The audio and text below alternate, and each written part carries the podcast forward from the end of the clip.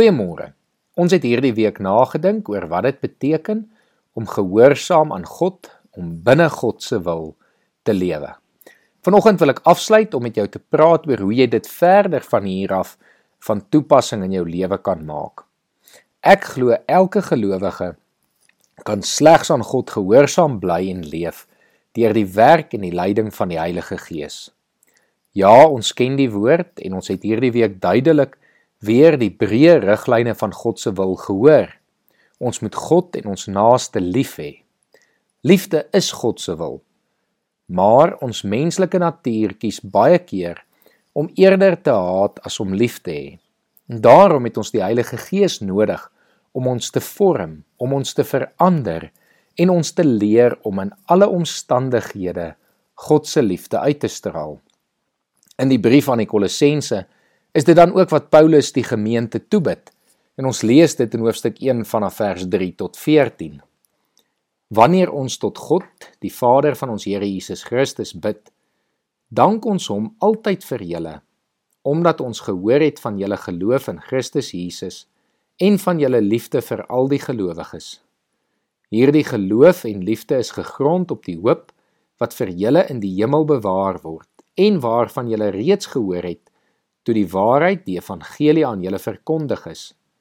Die evangelie het julle bereik en net soos dit in die hele wêreld vrug voortbring en verder versprei, gebeur dit ook by julle van die dag af dat julle van God se genade gehoor het en dit leer ken het soos dit werklik is.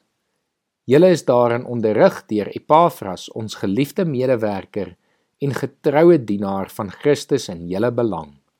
Dit is ook hy wat ons vertel het van die liefde wat deur die Gees in julle gewek is.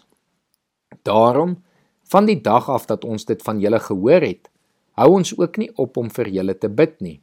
Ons vra God dat hy deur al die wysheid en insig wat die Gees gee, julle sy wil duidelik sal laat ken, sodat julle tot eer van die Here sal lewe deur net te doen wat hy verlang. Mag julle vrugte dra deur goeie werke en toeneem in die kennis van God.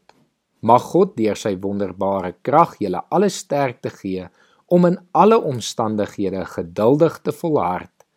Met blydskap moet julle die Vader dank wat julle geskik gemaak het om deel te hê aan die erfenis wat vir die gelowiges wag in die ryk van die lig. Hy het ons uit die mag van die duisternis weggeruk en ons onder die heerskappy gestel van sy seun wat hy liefhet. Deur die seun het ons die verlossing verkry, die vergifnis van ons sondes. Ek herhaal net weer vers 9 en 10. Ons vra God dat hy deur al die wysheid en insig wat die Gees gee, julle sy wil duidelik sal laat ken, sodat julle tot eer van die Here sal lewe deur net te doen wat hy verlang. Die gedagte dat die Heilige Gees ons lei en ons leer, is natuurlik nie uniek net aan Paulus se briewe nie in Johannes se evangelie en ook in Johannes se briewe kom dit ook duidelik na vore. Ons lees byvoorbeeld in die eerste brief van Johannes in hoofstuk 1 vers 27: Wat julle egter betref, die Gees waarmee hy julle gesalf het, bly in julle en julle het niemand anders nodig om julle te leer nie.